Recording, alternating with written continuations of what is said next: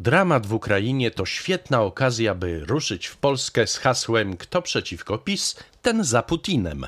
Wychodzi więc na to, że my wszyscy, oponenci prezesa, jesteśmy zwolennikami Kremla i zagrażamy suwerenności oraz bezpieczeństwu Polski. A Donald Tusk to już w ogóle koszmar, bo nie dość, że reprezentuje interesy Berlina, to jeszcze teraz i Putina. I jak tu żyć z takim piętnem zdrajcy? No jak? Prasówka tygodniówka pod redakcją Tamary Olszewskiej 4-10 lipca 2022 roku. Czyta Piotr Sobieski. Nigdy w naszej historii nie było przed nierządem rządu, który wywalał do kosza projekty oraz rozwiązania poprzedników i produkował liczne nowe ustawy bez składu i ładu.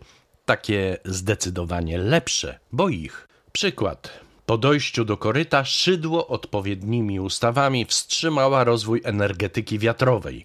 Teraz, po siedmiu latach nic nie robienia w tym temacie, nastąpiło nagłe olśnienie. Przyszło jakieś objawienie i ekipa Morawieckiego zmieniła zdanie i wraca do budowy turbin wiatrowych. Tyle lat przeleciało jesteśmy teraz w takim kanale. Kolejny sędzia nagrodzony za udział w gnębieniu swoich niepokornych kolegów, czyli aferze Piebiaka.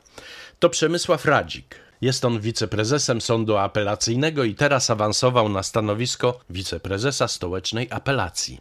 Nie ma to jak zawdzięczać karierę nie wiedzy i umiejętnościom, ale lizaniu odpowiedniej części ciała swojego szefa. Biedna ta rzecz pospolita i biednimy, bo daleko z taką elitą nie ujedziemy. Sejm przyjął ustawę o wspieraniu i resocjalizacji nieletnich. Jest ona dziełem Ziobry i jego kumpli, którzy mają wizję utrzymania w ryzach społeczeństwa tylko dzięki rozbudowanemu systemowi kar. Ustawa ta pozwoli na karanie za demoralizację dzieci do 10 roku życia. Będzie można zastosować wobec dziesięciolatków obezwładnienia, kajdanki na ręce lub nogi, kaftan bezpieczeństwa, pas obezwładniający, chemiczne środki obezwładniające, paralizator, czy też zamknąć w izolatce lub umieścić w poprawczaku. Zastanawiam się, dlaczego od 10 roku życia, a nie na przykład od 6 czy 5. Plotka głosi, że Solidarna Polska czuje się już na tyle mocna, by samodzielnie wystartować w wyborach do Sejmu i Senatu. Pewnie dlatego kolesie Ziobry próbują się wkręcić gdzie się da, by budować poparcie dla siebie i tym samym zapewnić sobie miejsce przy korycie za rok.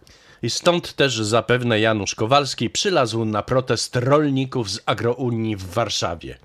Chciał chyba pokazać, jak Solidarna Polska kocha rolników. Ale próba aliansu zakończyła się klapą. Rolnicy nie dali się nabić w butelkę i pogonili pana posła. Mina Kowalskiego bezcenna. Myślę, że nikt nie zapomni tego obrzydliwego rechotu prezesa, gdy prześmiewał osoby transpłciowe.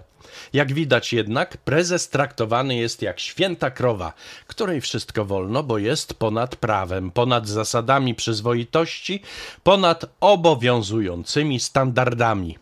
Na takim stanowisku stanęła Sejmowa Komisja Etyki, która nie zamierza zająć się zachowaniem Kaczyńskiego. Za odrzuceniem wniosku o jego ukaranie był nawet poseł PSL Jan Łopata. No, szkoda słów. Kaczyński nie ma zielonego pojęcia, czym przekonać lud do siebie, więc puszcza wodze fantazji na całego, licząc, że Polak głupi wszystko kupi. Mało nie padłam ze śmiechu, gdy usłyszałam, że lekarze niedługo będą wracać z Niemiec do Polski, bo tam zarabiają grosze, a u nas już za chwilę będą zarabiać krocie. No i lada moment poziom naszej służby zdrowia będzie lepszy od tego na zachodzie. No, facecik popłynął. Jakiś ten Duda ciepły i czuły – gdy zbolałym tonem zwrócił się do narodu, by nie dać się złym nastrojom związanym z inflacją i drożyzną, by zacisnąć pasa i zachować optymizm. Aż mi się łezka wokół zakręciła, bo tak mnie wzruszyła ta jego empatia i troska o nas, Polaków. I wcale nie zamierzam mu wytykać, że łatwo tak gadać, gdy dopiero co jego pensja poszła o 40% w górę, a szanowna małżonka pani Agata zarabia pięciokrotnie więcej niż wtedy, gdy pracowała jako nauczycielka.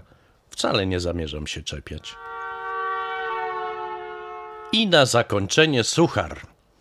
Politycy doprowadzili do tego, że kiedy czytam prezydent był na premierze, to nie wiem, czy to relacja z wydarzenia kulturalnego, czy skandal seksualny.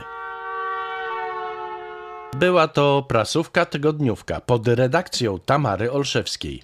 Czytał Piotr Sobieski. Do usłyszenia.